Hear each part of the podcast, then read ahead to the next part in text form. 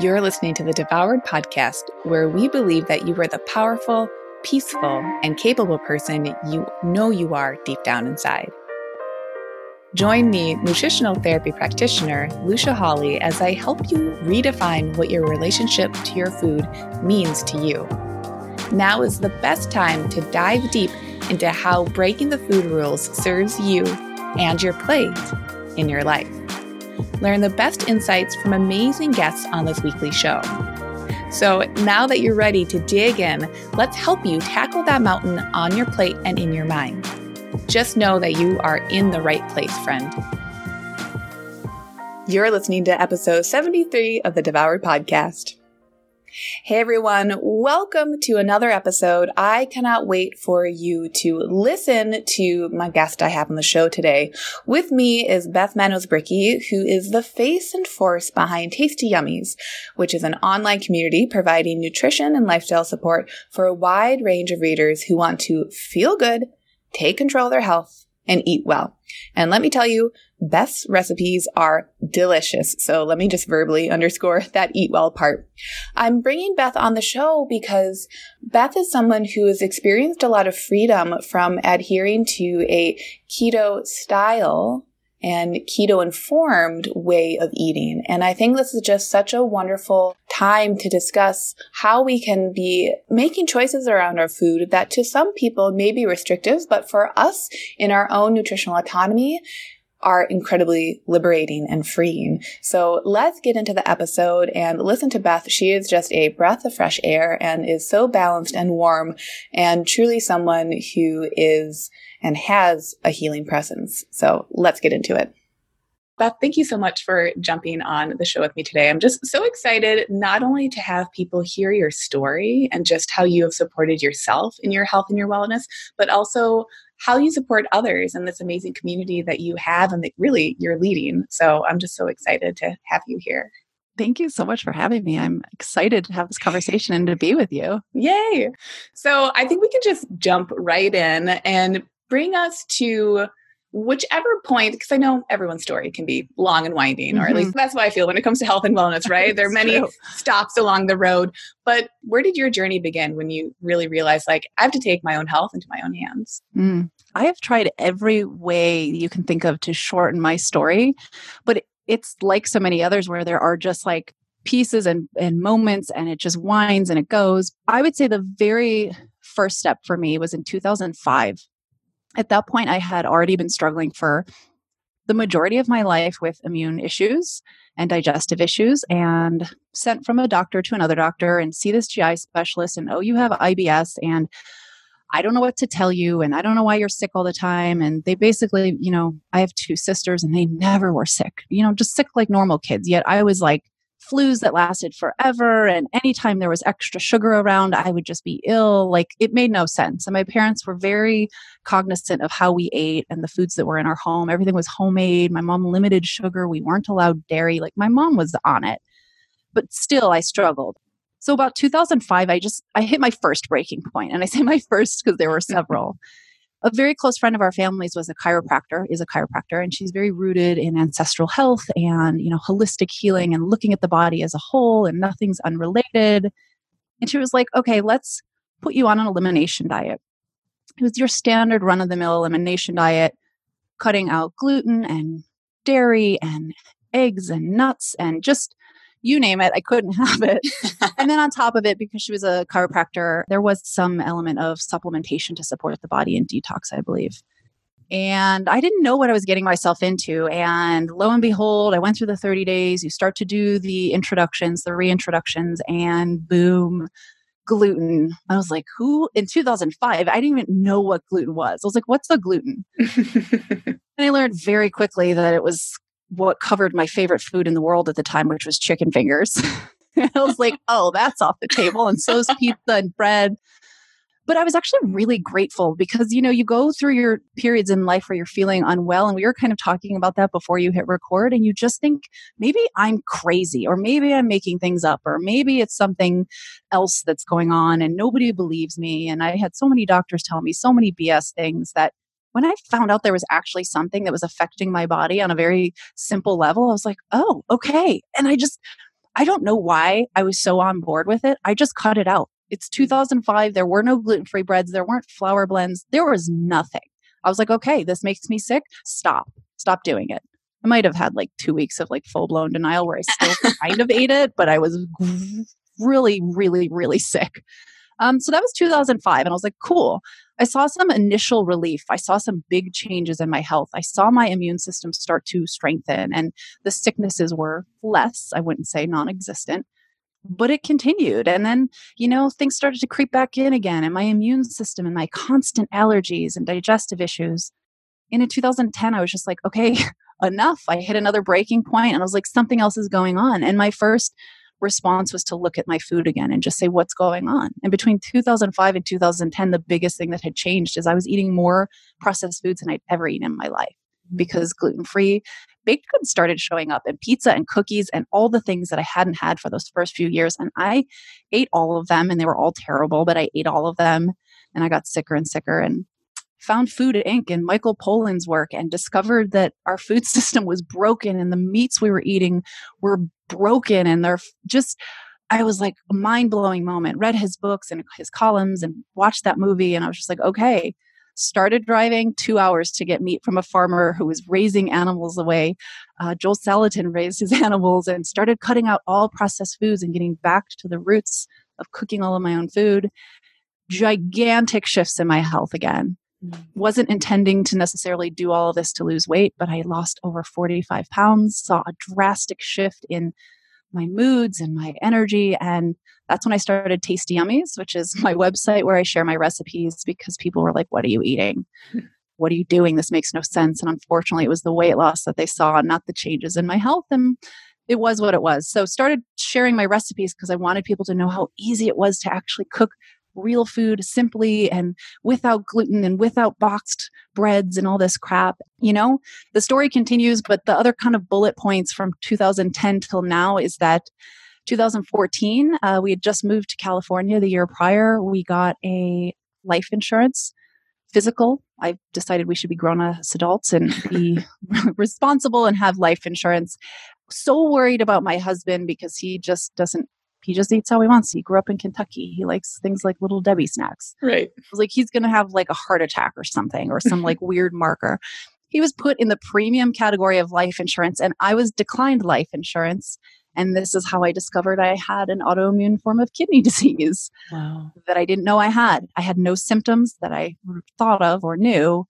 Uh, got a kidney biopsy and learned I had kidney disease and then down the spiral of working with a naturopathic doctor and looking at root cause and then determined I had a parasite and pathogenic bacteria and leaky gut and yada yada yada did all that work with her. And it's just kind of been this evolution of like okay what are we dealing with now? Where are we at? And so between then and now it's just been always moving forward always finding new things new ways to support my body and just you know in the process i learned how important to use exactly what you said like to teach people how to become their own advocates how to step up and take control of their health by talking to their doctors and saying there is something more going on. And I wanted to be able to speak to my community in ways that went beyond just the food they were cooking. I wanted to be able to speak to them about root cause and foundational support and digestion and hormone health and all of these incredible things that I wish someone had told me about in 2005 and that's when I went to the NTA and got my certification. And somewhere in there, I became a 500 hour registered yoga instructor. That's me trying to be short PS. But I think you did a pretty good job. That's like 15 years right there. It's hard. It's hard because there's so I'm I know I'm leaving out some big moments in there, but those are like the real key moments of me being like, something's gotta change, you know? Yeah. So what I think is also so wonderful to hear about your story even if you were trying to give us just like the the big parts the big takeaways is that it's a process that it unfolded over time. And i think you know when i'm working with clients or with my community a lot of people want they want it to be cut and dry. Like mm-hmm. tell me what to do. How do i do it? I'll do it. I'll be good. I'll be mm-hmm. type a about it. Like give me the plan and i'll rock it. So Tell me a little bit about that. Do you notice that as well? Or when you're working with clients, how do you begin the change process without them potentially being like, oh my God, I'm so overwhelmed. I have to change my life, right? Overhaul and like, what is it even going to do? right? Yeah. What if something has to change five years down the road? Yeah. I mean, I'm very, very honest with people right out of the gate that it isn't linear. And a lot of times part of that is sharing my story. Like, I want to tell people that I did this in the last year and they can do it too. And maybe they can because they'll have information at the start that took me 10 years to find. Mm. Um, but it's not linear. And, you know, sometimes you think that you've got it all figured out. I just had some recent testing done because I'm struggling with some things personally in my health that didn't really add up and I knew something was going on and I got some work to do. And so it's not linear and it's never ending. You know, to answer your question, I think one being very honest with people is really important. And the second thing is is that I learned the hard way as a practitioner once I started doing and seeing clients one on one. You know, you you learn so much and I was like everybody needs to be on the blood sugar protocol because everybody's blood sugar is a mess. And so I put almost everybody on the blood sugar protocol and everybody failed because nobody comes to see a nutritionist. And even though I thought I was doing the right thing, being like, what do you want? How do you feel? Do you want to go all in? Are you an all in or take babies? Everyone thinks they're an all in until they're all in and they're just like, what the hell did you do to me? yeah. So I tried to put everybody into all in because I'm like, people want change. They want to see results. And if they don't get results, they're not going to trust me. And I can give them results if they do a blood sugar diet for 30 days and really manage that blood sugar. Then we can get on the side of the cravings and then we can deal with healing. It didn't work because it's too much. It's too much too fast. And so, you know, for me, I have what I call shifts, like the very simple things that I know if I can get them to just make one simple shift, one very foundational baseline shift, and they can see something from that. They're going to trust me and they're going to believe in themselves. And then they'll be ready for the second shift. And it's hard because not everybody's on board for slow and steady. You know, like some people want, I call it the easy button. Some people want the easy mm-hmm. button. And I'm just, I'm not willing to give that to people because the easy button isn't sustainable, you know?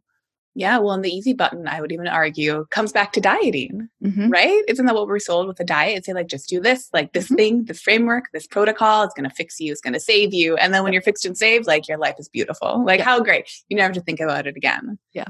So it's really, yeah, right. It's really that shift then be like, this is something that you like, how beautiful that you get yeah. to think about it. Yeah it's that gray area. I love to tell people like find the beauty in the gray area and it sucks because I can't tell you what your gray area looks like. Your gray area is going to be way different than my gray area, but I can hold your hand while we try to find it together. Yeah. You know, that's all I can do. But I need for them to know that it exists because I don't think there's enough people talking about that. It's just the black and white because it's sexy. oh, totally. Right. It's the headlines. Yeah. So then tell us, you know, speaking of black and white, I feel like a subject that has gotten very popular over the last couple of years. And now there's a dichotomy of how people feel about it is keto mm-hmm. and eating a ketogenic diet.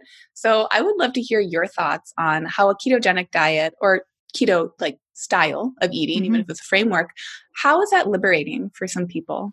Uh, that's a really good question. You know, backstory, since I didn't even drop this into my personal story, is that I've personally been using, I call it a ketogenic lifestyle, a ketogenic foundation approach. Personally, uh, it's coming up on three years. I cannot even believe to this day that I can say that out loud because I've always been like anti label, anti diet, like there is no one right way. And I still firmly believe in that. But about three years ago, I was just, for me, the main thing was energy. I was just like, dude, I'm, I'm doing the right things, quote unquote. I'm supporting my body. And I just had joined a gym and really had like just an idea of what I wanted to be accomplishing. And I was just like, why am I so tired all the time? Like, my husband and I have this joke because just forever I would say to him when he'd be like, You want to take the dogs for a walk? My response would always be like, I don't know why I'm so tired. He's just like, What is that even like? Why are you acting like that? I'm like, I don't know why I'm so tired. Didn't make sense. And I don't remember I had gone through the NTA program and I heard the word keto dropped and I was just like, fuck that. Like, that's stupid and so restrictive. And like, carbs are awesome. but I got to a place where I was curious. And then the other thing was is that I was seeing within my practice more and more people asking me questions. And I thought I just have this belief within the work that I do that like I can't stand in front of somebody and say a yes or no to something if I haven't at least experimented with it or researched it or really stayed open to the idea of it being a potential idea. Uh, so I thought, you know what? I'm going to give myself 30 days and I'm going to try this out. And if it fixes something that I've been struggling with, amazing. If it doesn't, who cares? Throw it out the window. And for me, the two biggest things that I saw shift were my energy. Like drastic changes to my energy. Like, couldn't believe how much I had been struggling with my energy when I discovered how much more was possible. And then the cognitive and brain function, brain fog. So, you know, we hear people say this word brain fog, and I saw changes when I went gluten free, when I cut out processed foods. I remember being like, oh, that's brain fog, I guess. Cool. But over the handful of years leading up to when I decided to experiment with keto, I didn't think I was in a state of brain fog. Like I was feeling pretty decent. And then 30 days in, I was like, oh my God, I used to struggle doing podcasts or speaking publicly with word recall. Like legitimately, like the words I was looking for were gone. Like I couldn't, it wouldn't come to my mouth. I was just like, it's there, but it just wouldn't happen. And within 30 days, like my word recall, that changed so drastically that I was like, okay, well, this all feels good. I don't feel restricted. I don't feel like I'm on a diet. I feel actually really satiated and satisfied all of the time. I'm not obsessing over food and the next snack and where the next thing was coming from and sugar, sugar, sugar. I just was like, I'm full. I feel good.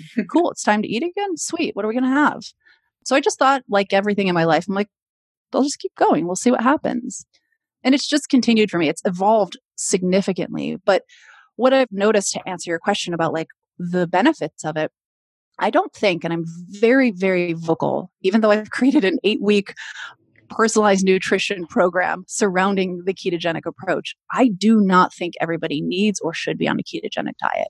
But I think for many people, it's an incredible healing tool, especially when we're talking about underlying blood sugar dysfunction, mm-hmm. especially when we're talking about, you know, underlying energy issues. If, if we're not sure why, no matter what, eating a paleo diet, why we're still struggling to have the energy to get through the day, well, just because it's paleo, quote unquote, doesn't mean you're not consuming grave amounts of sugar with your honey and coconut sugar sweetened breakfast cake. Like, that's awesome. There's not grains in there. And I'm sure your gut's really happy. But if your morning is starting with 42 grams of sugar, even if it's mm-hmm. the most healthful source of natural sugar, you're exploding your blood sugar. And what goes up must come down.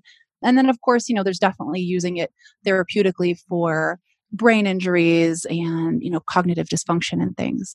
For me, I stayed actually very quiet and it was by design about implementing a ketogenic diet because I don't want people to be like, cool, she's the keto girl. No, we're all going to eat keto. I just was like, it's what I'm doing. And it's unimportant to everybody else how I'm eating. It's important to me, and that's what matters. My father came to me, uh, it's coming up on probably close to three years. It was shortly after I implemented keto, and he was diagnosed with type 2 diabetes. And, you know, it's your dad. You tell him your whole life, probably shouldn't eat that, dad. That's not the best. Do you really need seconds? You know, like all the things we say to our dads. and he didn't ever want to listen to myself or my sisters. And then he was diagnosed with type 2 diabetes. And he basically called me and said, I'm ready to listen. What do you got for me? Wow. and I just shared the foundations of keto. And I never said the word keto. And we never talked about testing blood ketones. And we never talked about how many carbohydrates he could have. I just explained how blood sugar worked. I explained what foods on a foundational level would increase his blood sugar and which ones would not, and what happens when it's increased and it drops and how to manage it. And I just said, I never gave him a list of foods to eat and foods not to. I just said, here are the foods that are going to help you right now. Focus on these. Talk to me in a couple weeks. Because I was like, if I say keto to him, if I say diet, he's a going to run the other way b my dad and i actually have a history of dieting together we did atkins we did weight watchers like we did the things so I just taught him on a foundational level. And holy shit, my dad was ready for change. My dad lost 45 pounds, reversed his type 2 diabetes, off metformin, beautiful looking A1C. And I was like, I can't shut up. This is mm-hmm. now, it's telling me that I needed to speak up and speak out and use it as a foundational therapeutic tool for the people for whom it's right for, but to do it in a responsible way, which is to teach them how to use it to support their body and to support healing and not restricting and not about dieting and not about weight loss, if that makes sense. Oh, it makes total sense. The Devoured podcast is sponsored by Branch Basics, creators of the safest home cleaning products from laundry soap to window washing. Their concentrate goes into different refillable and reusable containers that even the most chemically sensitive can use without worry. I've been using Branch Basics exclusively as my all purpose laundry, bathroom, hand soap, and more options for over a year. And if you like being safe, efficient, minimal, and more eco friendly, you'll love this company just as much as I do. Branch Basics is offering 10% off all starter kits for devoured listeners, so head over to branchbasics.com and use the discount code DEVOURED on your first order today. Tell us some of the myths that you would like to dispel or that you do dispel around keto and mm. and all of it. I love this question. It's a great question. I think first and foremost is people assume that those of us who prefer to eat keto are like obsessed with carbs or obsessed with dieting or obsessed with mac. I literally, the only time I count food ever from the moment I started implementing a ketogenic approach, the only time I've ever counted is when I'm fearful I'm not eating enough. Mm. Because as somebody who finds a lot of satiation eating this way and how hard I work out most days, there are times that I'm like, I'm so satiated and so not starving and hangry monster that I'm like, oh shit, I need to eat. Like I legitimately haven't eaten enough today. And so I will occasionally use tracking for that purpose. I've never counted my carbohydrates. I've never gotten obsessive about that. I'm not afraid of carbohydrates. I think they're great. I think they have a place. I think they're important. I'm just cognizant of what and how many and what type, I should say. So, like, I'm not afraid of carbohydrates. I just also don't feel good when I eat them. And so, I think that's another thing to kind of dispel is that, like, it's about obsessively controlling. And for me, mm-hmm. it's just like, I trust my body so much that I listen to the symptoms and I see them as messengers. And when I eat a shit ton of carbohydrates, I feel like a shit ton of shit. So why would I eat them? Like that's right. just supporting my body and loving it enough to honor that. I think another myth is that people that eat keto need to eat shit tons of fat, like all the fat, like put butter on your bacon and then wrap it up and put it in your coffee and have a bulletproof coffee every morning and then bacon wrap your sandwich stuff, but don't eat the bread because the bread's bad. You know, like there's an element to finding a nuanced approach that's right for you. If part of somebody's goal when they're coming to me is changing their body composition and some amount of fat loss, if they're consuming 3,000 calories worth of fat every day, that's cool. They're going to be in keto. They're going to get high ketone scores. They're going to be like feeling amazing, maybe. Why would your body ever tap into your stored body fat when it's being blasted with bacon and butter all day? It's cool. There's nothing wrong with that. But if fat loss is a goal for you, you need to give your body the opportunity to basically implement lipolysis and break down stored body fat and use that for energy. Um, mm-hmm. I'm not a crazy psycho about fat. Like I'm not doing shots of MC. I don't like MCT oil in my coffee. I want good coffee without it. um, and I guess the last common myth I hear is that you need to be restrictive about your protein. You know, mm. keto is often billed as a low carb, high fat, moderate protein approach. And I would say if we boil it down Sure, that's a compared to a standard American diet, great observation. But just like high fat doesn't need to be taken to this extreme pendulum swing, and same with low carb, also the moderate protein, I start to see people, and it's especially detrimental to females.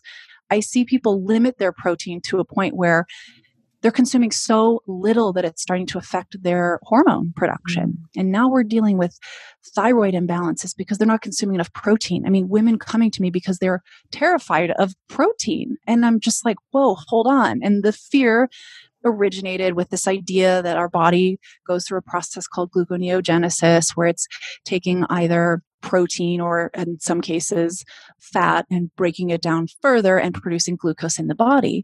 And that's a true process that happens. The misconception is is that too much protein will result in gluconeogenesis. And the truth is that you would have to consume like I forget what the number is. It's something insane, like a hundred ounces of protein in a single setting for it to be forced into that. Otherwise, gluconeogenesis is a demand driven process and the body will do it when it's necessary. And it's actually a cool part of being at a ketogenic diet is when our body, the few times it needs glucose, needs glucose and it's not getting it from the diet, it will use protein in the body to do it. But you're not going to create that by consuming like 12 ounces of steak instead of six at lunch. like it's not happening.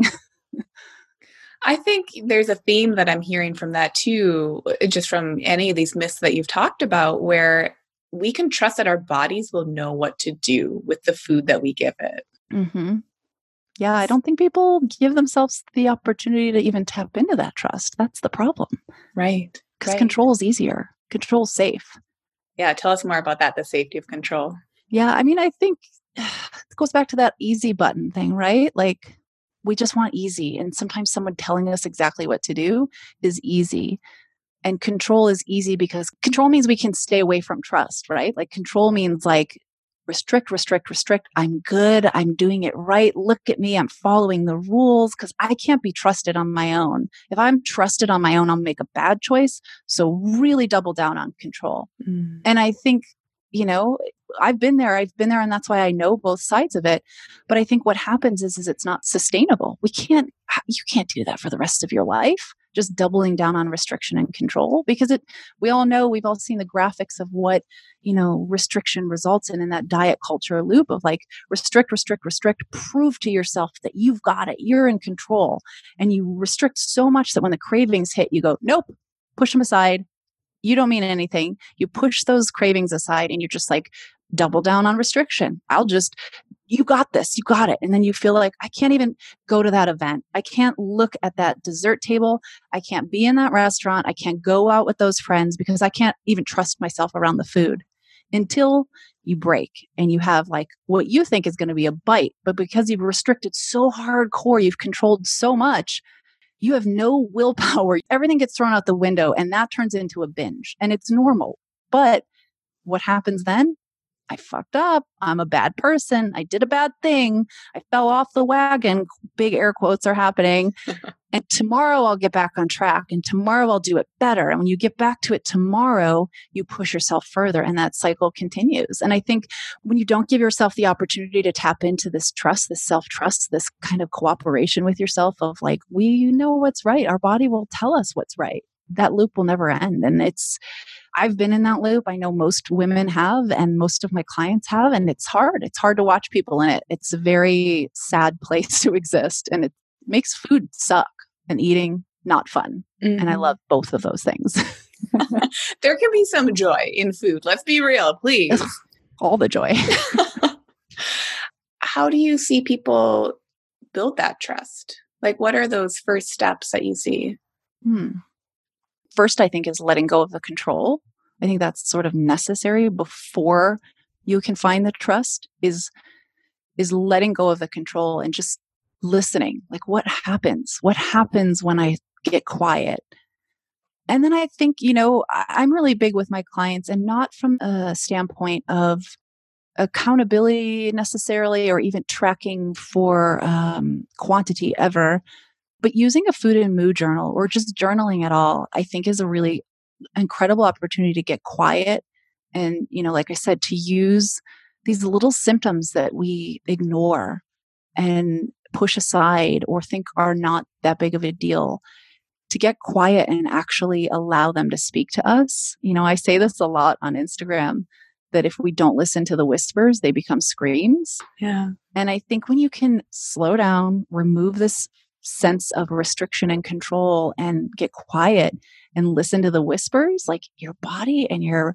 spirit have a lot to tell you. You just have to be willing to listen. And then I think when you are open and willing to listen, what you do with that information, that's where it gets challenging. It definitely comes with practice like everything in life and trial and error and sometimes we think we're hearing one thing and we're really hearing another and you know it sometimes becomes a scream before you hear it. But i think just getting quiet and listening to those things and listening to your intuition which you know that's a very vague statement i know like what does that mean?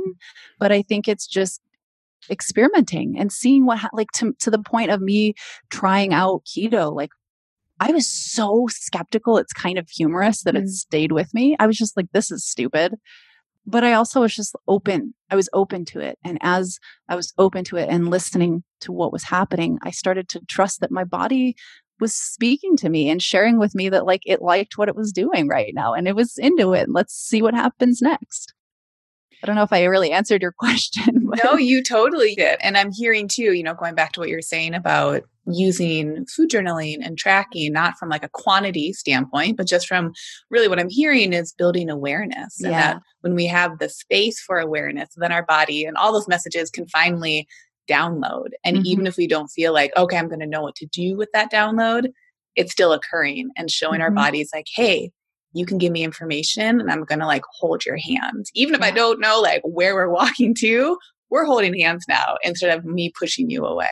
Yeah. Awareness is literally like it's the word that comes up so much within my community and within my one on one clients because, you know, I can't give that to somebody. I can't. I can only teach them different tools to where they can begin to cultivate an awareness. Uh, but I can't teach them to have that awareness. And I certainly can't teach them to have a trust, but I can, to your point, hold their hand and guide them as they navigate it. And having navigated it through my own journey, but also through the journey of many of my clients, at the very least, when you, and I say this a lot as well, and not just in the context of healing through nutrition and food as medicine, even, you know, on a very simplistic, like going to the gym or changing your lifestyle in some other way, if you don't and can't and aren't able to trust and believe in yourself right now, then find somebody who does. And mm-hmm. that's why I think it's so awesome to be able to work. Like, I feel honored to work with my clients because I know that they may not be ready to trust themselves, but they trust me enough to be able to tell them that they can trust themselves, if that makes sense. Totally. It makes huge sense. And they're trusting you to be that container and to mm-hmm. hold the space mm-hmm. for Absolutely. that growth. Does that correlate with because you do have a background in being a yoga instructor? Is there overlap between what you do as a yoga instructor and with nutrition consulting?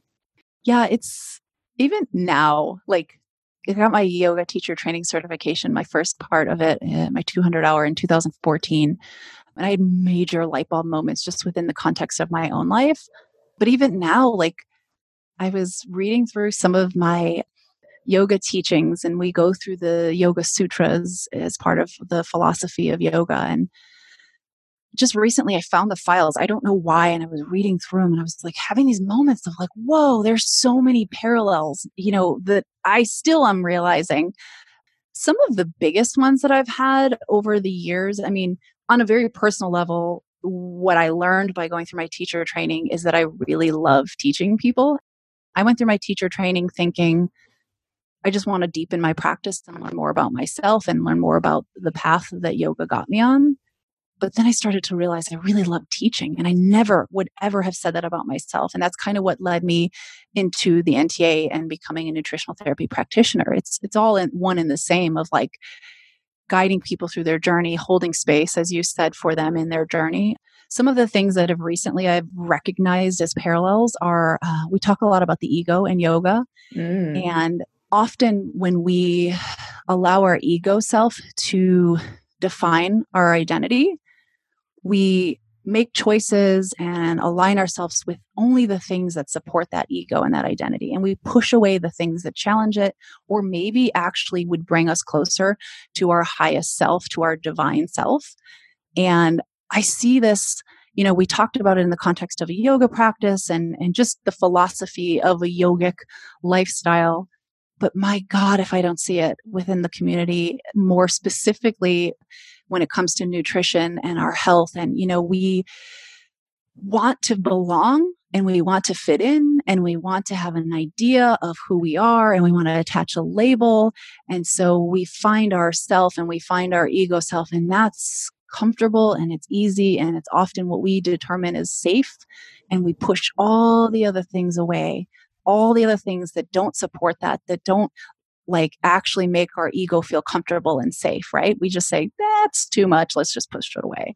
And I think that that's what happens within diet culture, right? Like, it's really hard to actually imagine that what we think is right might not actually be right, or what somebody else experienced that worked for them might not work for us. And what if we dipped our toes into this other area where things are unknown, where they're muddy, where it's not what we've always you know, associated ourselves with? What would happen? And, you know, I think that for me, that's been a really, really huge awareness moment. Um, and then there's other things I've shared in terms of like actual philosophies and one of them I recently shared, I think we, you and I talked about it a bit through stories, was I never say it correctly, but it's the practice of prakti paksha bhavanam. I think I nailed it. And I won't even bother trying to break it down. I have a full post on my website about it, but it's this idea of stopping in the moment and choosing the opposite, you know, recognizing when something is causing us harm, especially if it's a repeated pattern. Recognizing it, acknowledging it. I like to tell people stopping in that moment and seeing what this actually is there to teach me, and then choosing to take a different direction, to take the opposite path.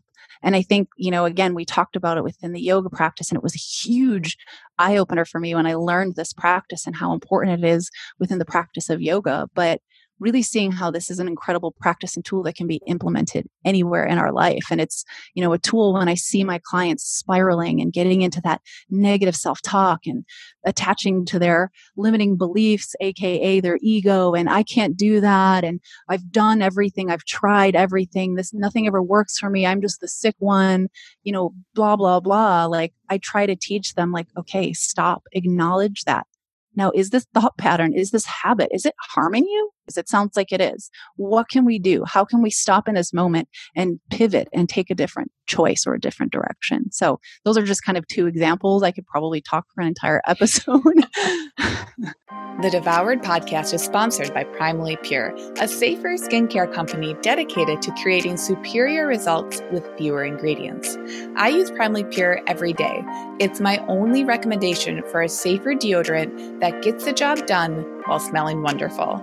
And it doesn't leave a greasy residue like many other homemade or alternative deodorant options out there. And I've tried quite a few and I've made quite a few. Their dry shampoo is my other favorite, and it's scented only with essential oils, which I love from a safety standpoint. When you go to primallypure.com, make sure to use the code LuciaPP10 that's L U C I A P P 10 to save 10% off your first order.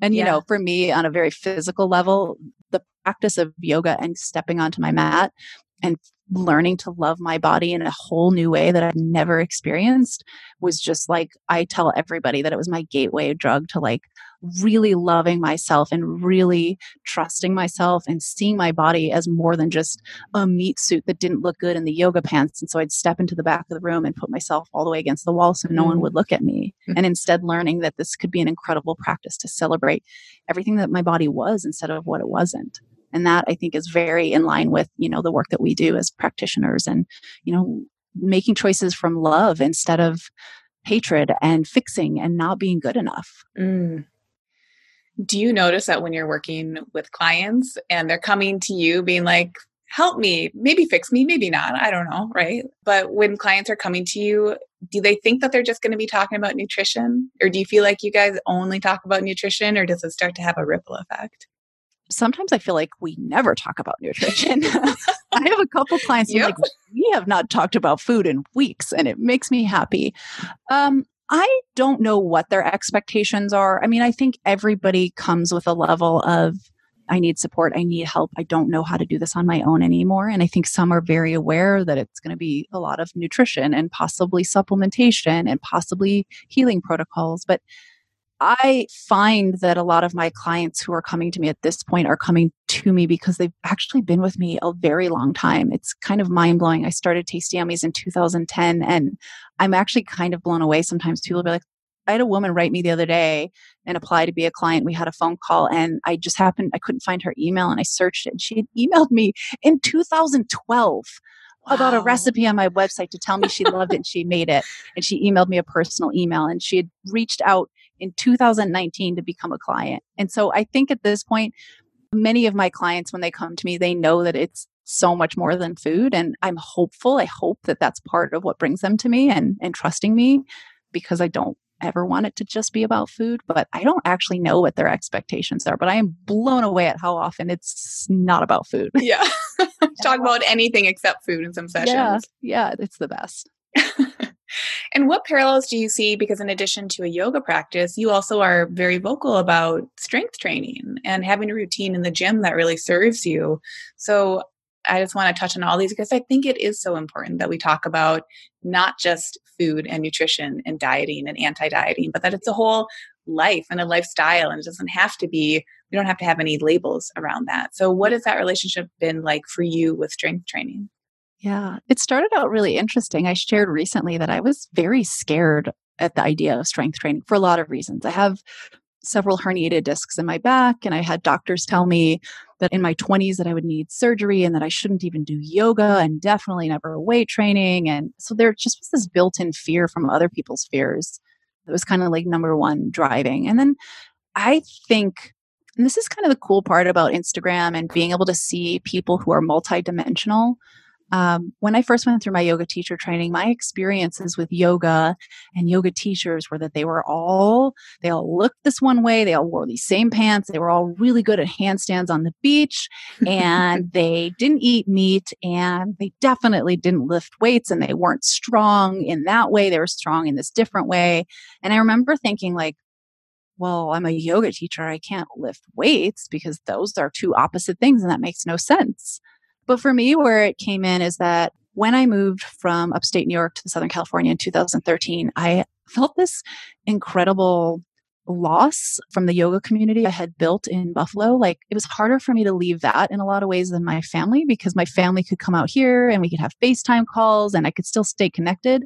But when I left that yoga studio, I left like a family and it felt like a really severe loss in my life. And that was kind of what first brought me to getting my teacher training certification is that I dipped my toes into some studios and I love everything about Southern California, but there are just some things here that are everything that you would think they were. And right. the studios were one of them. And I remember walking in and being like, nope, this is not like the yoga studio I went to. And I just, the vibes weren't right. I tried so many studios and there was free yoga on the block. I tried everything and it just, mm.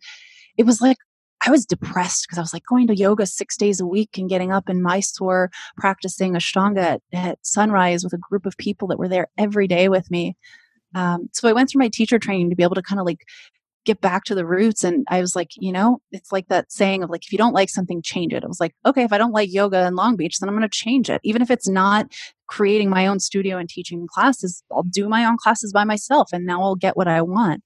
And for a while, it really kind of met that need for me, but I still just felt lost. Like I wasn't having that experience that I recalled. And so I thought about the idea of strength training as this big shift in my health. The big shifts had kind of continued, and especially in January of 17 when I went keto, I had like an incredible change in my energy that I mentioned earlier that was like kind of wild to where I was like, what do I do with all of this? Like the yoga is not enough. Like right. I feel like I could do a million things and I don't know where to start. And I always liked the idea of weightlifting, but it scared the shit out of me for so many reasons. And so I remember going into a TRX class at my gym because I was like, that sounds like doable for like a yogi. And there's like a dude in his 80s who was crushing it and i was struggle bust like couldn't do anything i was so weak and i was just like oh and it just hurt my back and i started talking to the teacher and he was like, Oh, like you just need to work on this for your back and strengthening that. He's like, I train people. I was like,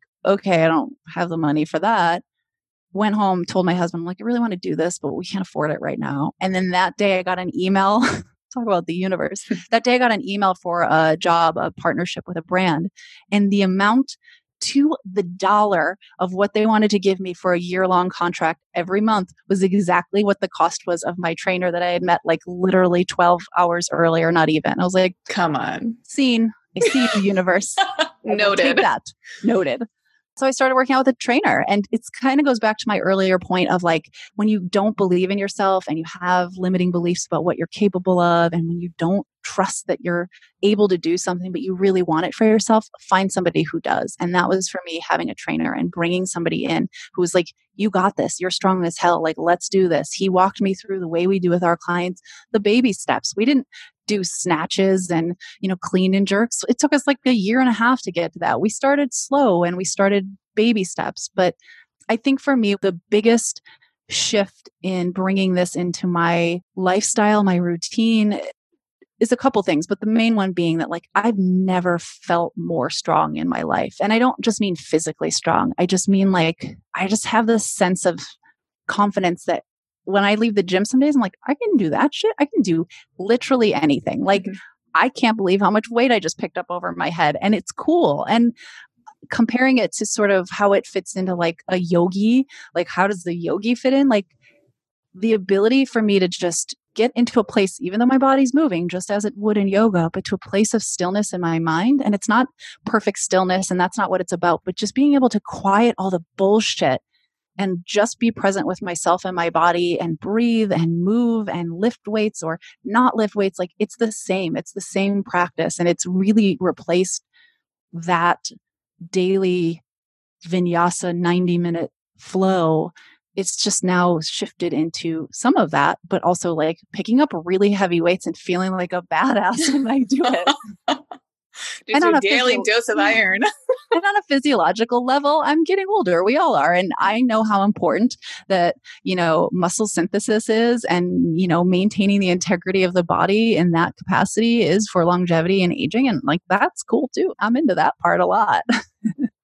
I love what you said too with that mental stillness that can happen when you're doing strength training because I find that so many people, as you said in your story, it's scary. It's so scary being like, oh my God, but what if I hurt myself? Or like, yeah. Even if I drop a plate on my toe, like, well, I don't want to put myself in that scenario. But the recognition that, like, it's a practice just like anything else. And the more you build it, the more you're going to be able to have the potential. I'm actually hearing that you perhaps are coming into a state of flow mm-hmm. when you're strength training, right? Where it's like, yeah. it is this, when we're strength training, we can be in that sympathetic state. We're stressing our body, but it's ideally an adaptive stressor. Mm-hmm. And I think that's just so beautiful. It's like you can have the strength to stress yourself in adaptive ways. And when that's happening, what is also then happening neurologically is also incredibly empowering. Yeah. Yeah. And, you know, kind of like tie it all together too is like eh, there is a super huge amount of trust, a huge amount of trust. Every time I go there, every time I lift up a heavy weight or a heavy barbell, it is so much trust in myself, in my abilities, in my beliefs in myself. And if I know nothing, I know that when you stand in front of a heavy ass barbell, if you pick it up going, I'm going to drop it. I'm going to drop it. I'm going to drop it. I'm going to hurt myself. You know what's going to happen? You're going to hurt yourself. If you stand in front of that barbell and think, I am a badass bitch and I'm going to lift this thing over my head and I'm going to look really cool doing it and I'm going to be so proud of myself when I set it down, you have a much bigger chance. Does it happen every time? Hell no. I fail a lot. I fail a lot. But I always know because I have an incredible trainer and an amazing coach, I know how to get out of it. When it starts to fall apart, I have an exit strategy mm-hmm. and that mm-hmm. exit strategy keeps me safe. And it's no different than any other area of your life. Like I trust that if I get myself into a situation that my body can't handle, I have a way to get out. And perfect example of like listening to your body and these messages and trusting. When I first started weightlifting, there was like this element for me of like, concern and fear for my safety with back injuries. And then there's been times where I'm like, you get a little overconfident. You think, oh, I felt that little twinge in my back. You're fine. You're badass. And then I push and I push and then I really hurt myself. And this week, I had a moment where I went to pick up a heavy weight. I did a bunch of stuff and then I had a round of really heavy single dumbbell snatches. And I did it on my left side. It's like a 40 pound, 45 pound dumbbell. Did the snatches, moved to my right, picked it up on the first snatch. And I was like, oh, that felt weird in my low back. And instead of doing what I've done every other single time that I've hurt my back, instead of going, you'll be fine. I bet if you just do it again, it'll be fine. I put it down and I was like, no. And I laid on my back and I started stretching and I started doing yoga in the middle of the weight room. And I was like, it's enough. I, you're done. And I put the weight away and I grabbed myself and I left. And for me, I talked about this on Instagram. I was like, that's the ultimate in strength is being like, you have to stop right now. Enough is enough. Know your limits, trust your body and what mm-hmm. it's trying to tell you and walk away. And that for me was like a big lesson on going back to what we started with with the yoga and the connection like it was pushing my ego aside and being like you actually don't know what i need right now my body knows and we're going to listen to that this time instead of my ego what a huge shift Ooh, it was not easy, let me yeah. tell you, because that ego is loud. Oh man, that ego's like has a megaphone and it's like, you you know me. You yep. always listen to me. Come on. Yep. Oh, and it's like I always have a pride thing where I'm like, everybody saw me. They're Mm. seeing me give up after one round. And I was like, actually, nobody's looking at me. Not a single person's looking at me. They're all looking at themselves in the mirror and they don't care about me. Well, yeah, speaking about ego, Yeah. own ego to be managing. yeah, exactly. So then tell me, what is your idea of health? Mm, I love that. Um, I was thinking about this and I was really kind of like ruminating on, you know, a lot of stuff in my life changes where I'm at, you know? And it's funny because I actually hate the word healthy because I think the word healthy is really subjective mm. and, you know, one person's superfoods, another person's like kryptonite. But I love the word health because it is so nuanced and specific to the individual. I think right now, what for me it is, is about alignment and just like full on synchronicity, all of these things we've been talking about of like your mind, your body, your spirit, pushing the ego aside, listening to the symptoms and the whispers, just cooperating with your body and just making choices from love instead of fear, instead of not trusting, instead of not being in alignment with your true self. And so, you know, I think for me, it just comes back to like working with my body instead of fighting against it and just attempting because one of my favorite things is to not say we need to find stillness in our yoga practice or we need just the attempt, the effort of. For me, it's the effort of wholeness. And I don't know if you ever get to wholeness, just like we don't know if we ever get to like the divine, but it's an effort to get there. And that's for me what it is. Mm. And then along with that, what is your idea of happiness? I love that question too. I think for me right now, it's waking up and just opening my eyes and first and foremost feeling a sense of joy. Like, not just gratitude because, like, I open my eyes and I'm alive today, but like, I genuinely wake up every day, like Monday, Tuesday, Saturday, Sunday, don't care what day it is. I wake up like actually stoked for the day and like excited and full of wonder and just like I know that no matter what the day is whether I'm filling it with work or complete play like it's passion like I have found a way to create passion in my life and so being able to wake up knowing that that's waiting for me like to me that's happiness and just being excited for what lies ahead and you know for me a big part of happiness is just learning and like wanting to know more so that I can take that and connect with people and share and support them wherever they're at. So I think for me, those are the big things for happiness. And then my last question is what is your favorite word? Ah. I think that's also very different day to day. But this week, I recently got back into my morning mindfulness practices. And sometimes it's like a full on meditation. Sometimes it's just journaling. Sometimes it's my morning mantras or affirmations or just a word. And so this week, maybe it was into last week too, the word that just keeps coming up is autonomy.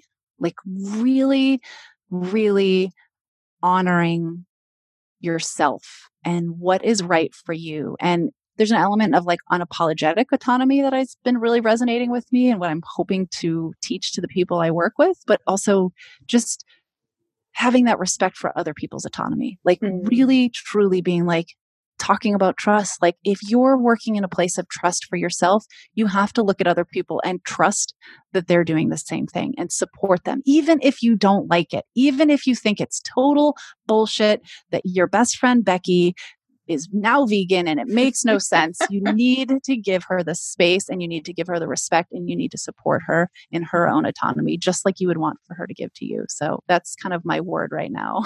I feel like that even comes right back to the ego conversation. Yeah.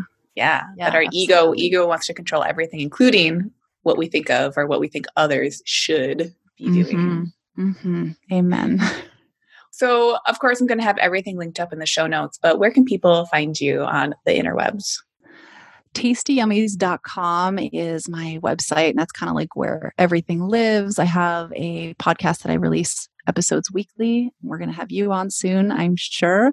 That's called the between meals podcast. You can find that on tastyyummies.com and then everywhere on social media is just at tasty yummies t-a-s-t-y-y-u-m-m-i-e-s i'm most active on instagram probably Yay. Well, thank you so much for coming on here and for this conversation. It feels very grounded. I feel like after an hour of chatting together, I feel grounded. So just your work it has an amazing ripple effect. And so anyone who isn't already following you or hasn't made a recipe from your blog, people go go hit up Beth. Thank you. Thank you so much for having me. This was amazing and just always a joy to connect. And I tell you all the time, but I love everything you're doing and I love listening to you speak your truth and just be so unapologetic and like, this is what I believe and this is how I'm here to support you. Like, it's such a joy to watch everything you're doing. Thank you.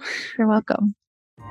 Thanks for listening to the Devoured podcast. Jump into the show notes for this episode and all past episodes at devouredpodcast.com. And if you love the show, please take just two minutes out of your day today to leave a review. This helps us so much in spreading the word. Consider also sharing your favorite episode with a friend. Let's get food liberation for all, and we'll see you on the next episode.